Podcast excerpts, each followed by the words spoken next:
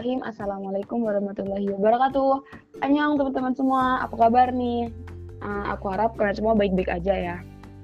Semoga kita selalu dalam lindungan Allah Subhanahu wa taala.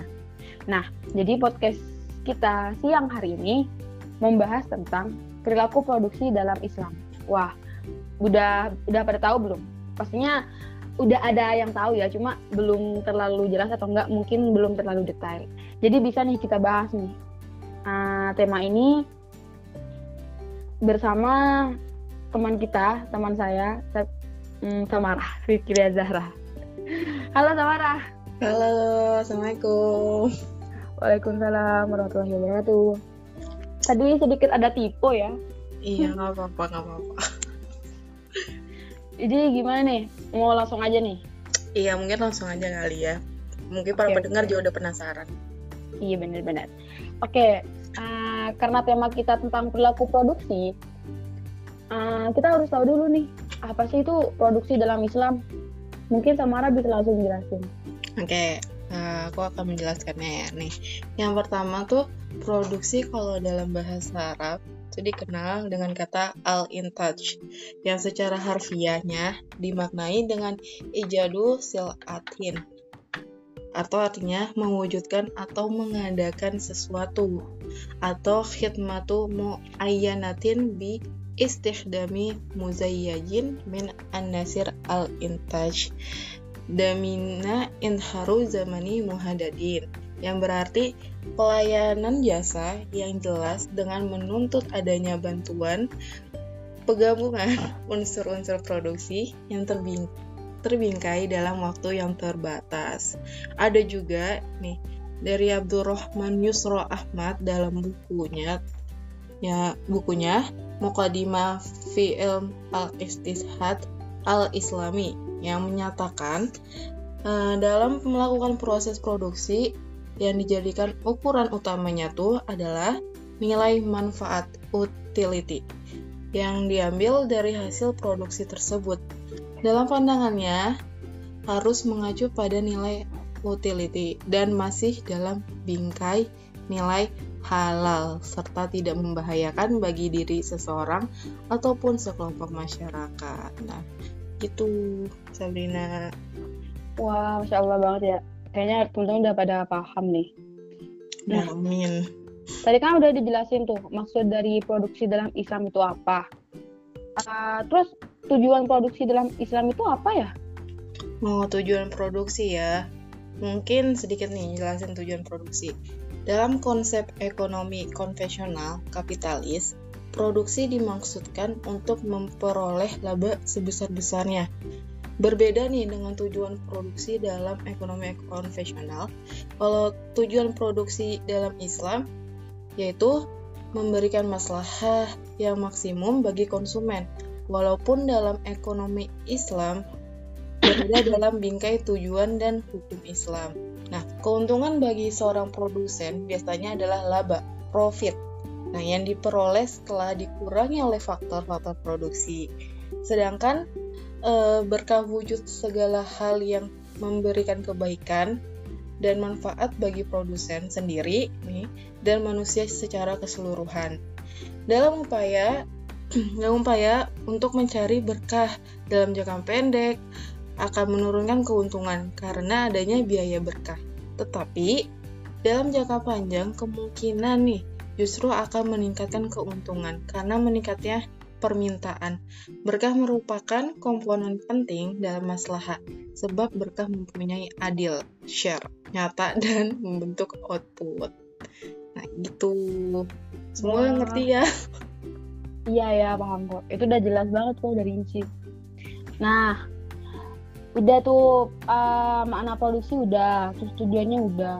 Nah, terus apa sih nilai-nilai tauhid pada produksi yang harus kita ambil yang harus kita kerjakan sebagai konsumen Islam eh maaf sebagai produsen produsen Islam oke nilai-nilai tauhidnya ya uh, mungkin nih melakukan kegiatan produksi kan adalah perintah Allah dan karena yeah. itu aktivitas produksi di, dipandang sebagai ibadah berproduksi bagi seorang muslim itu merupakan aktualisasi keberadaan dirinya sebagai khalifah Allah di muka bumi yang bertugas memakmurkan bumi dengan ilmu dan amalnya.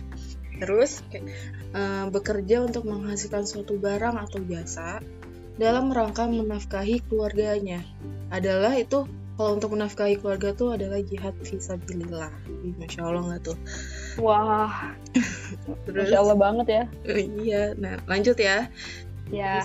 Kemampuan manusia berproduksi nih sehingga mampu menikmati hasil-hasil produksi dan mendapatkan harta karena berproduksi merupakan nikmat harus yang disyukuri kepada Allah. Islam mengutuk manusia kufur nikmat melihat pentingnya peranan produksi dalam mewujudkan kemakmuran. Maka Al-Quran dan Sunnah memerintah, mem, memerintahkan manusia untuk bekerja keras dalam mencari penghidupannya guna memenuhi kebutuhan hidupnya. Kegiatan produksi tidak boleh menghasilkan barang-barang haram seperti hamar, rokok, daging, daging babi, gelatin babi, plasenta, serta jasa-jasa terlarang, perjudian, riba, prostitusi, dan lain sebagainya. Nah, jadi tuh kita hidup juga butuh ini ya, butuh kerja keras. Kalau nggak kerja keras ya buat apa hidup asik. asik. Nah, mungkin itu aja kali untuk. Oke, okay. Okay. Nah, terus uh, apa tuh prinsip-prinsip produksi yang ada dalam Islam? Oh, prinsip-prinsip produksi nih ya. Hmm, seluruh kegiatan produksi itu terikat pada tataran nilai moral dan teknikal yang islami. Metwali eh, tahun 1990 mengatakan perbedaan dari perusahaan-perusahaan non-islami tak hanya pada tujuannya, tetapi juga pada kebijakan, kebijakan ekonomi dan strategi pasarnya. Produksi barang dan jasa yang dapat merusak moralitas dan menjauhkan manusia dari nilai-nilai religius tidak akan diperbolehkan. Terus terdapat lima jenis kebutuhan yang dipandang bermanfaat untuk mencapai fala yaitu kehidupan, harta, kebenaran, ilmu pengetahuan, dan kelangsungan keturunan. Terus Kegiatan produksi harus memperhatikan aspek sosial kemasyarakatan. Kegiatan produksi harus menjaga nilai-nilai keseimbangan dan harmoni dengan lingkungan sosial dan lingkungan hidup. E, dengan lingkungan hidup dalam masyarakat ya, dalam skala yang lebih luas. Selain itu, masyarakat juga berhak nih menikmati hasil produksi secara memadai dan berkualitas jadi produksi jadi produksi itu bukan hanya menyangkut kepentingan para produsen uh, produsen aja tapi juga masyarakat secara keseluruhan terus uh, produsen harus mengejar tujuan yang lebih luas sebagaimana tujuan ajaran Islam yaitu falah di dunia dan akhirat. Kegiatan produksi juga harus berpedoman kepada nilai-nilai keadilan dan kebajikan bagi masyarakat. Nah, prinsip pokok yang islami yaitu satu, memiliki komitmen yang penuh terhadap keadilan. Dua, memiliki dorongan untuk melayani masyarakat sehingga segala keputusan perusahaan harus mempertimbangkan hal ini. Yang ketiga, yang terakhir, optimasi keuntungan diperkenankan dengan batasan kedua prinsip di atas. Itu deh. Wah, ada ada tiga berarti ya? Ada tiga yeah. prinsip-prinsip.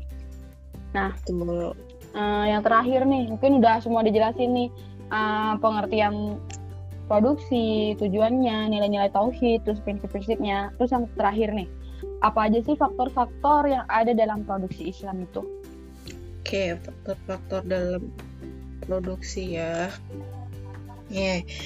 mungkin uh, uh, ini ya ada para ahli ekonomi Islam tuh berbeda pendapat tentang faktor-faktor produksi menurut Islam.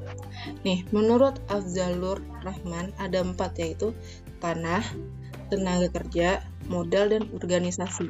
Demikian pula Dr. Muhammad Rawas Eh, Kolaji dan Muhammad Abdul Manan menyebutkan empat faktor produksi yaitu tanah, modal, tenaga kerja dan organisasi. Nah, aku jelasin ya. E, tanah. Tanah tuh dalam Al-Quran menggunakan kata tanah dengan maksud yang berbeda. Manusia diingatkan akan sumber kekayaan untuk dipergunakan.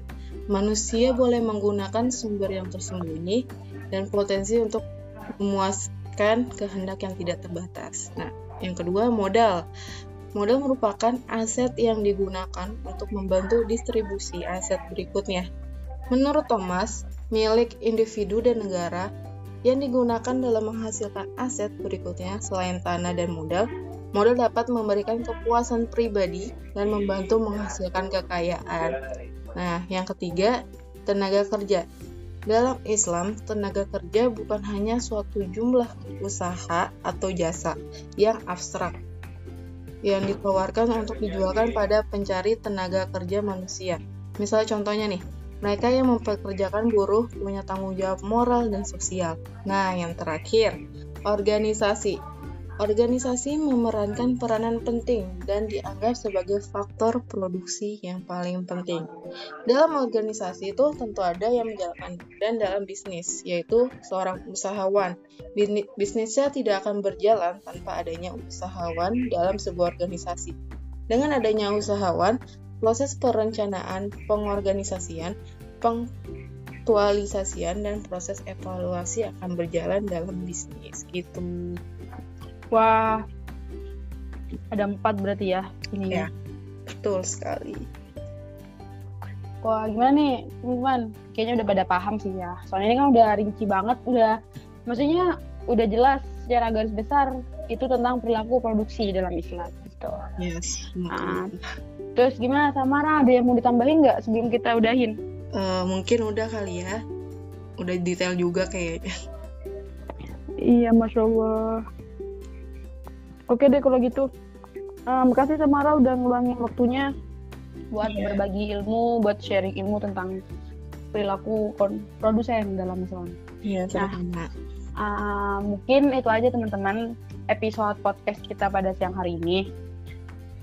Kurang lebihnya kami mohon maaf dan semoga bermanfaat. Wassalamualaikum warahmatullahi wabarakatuh.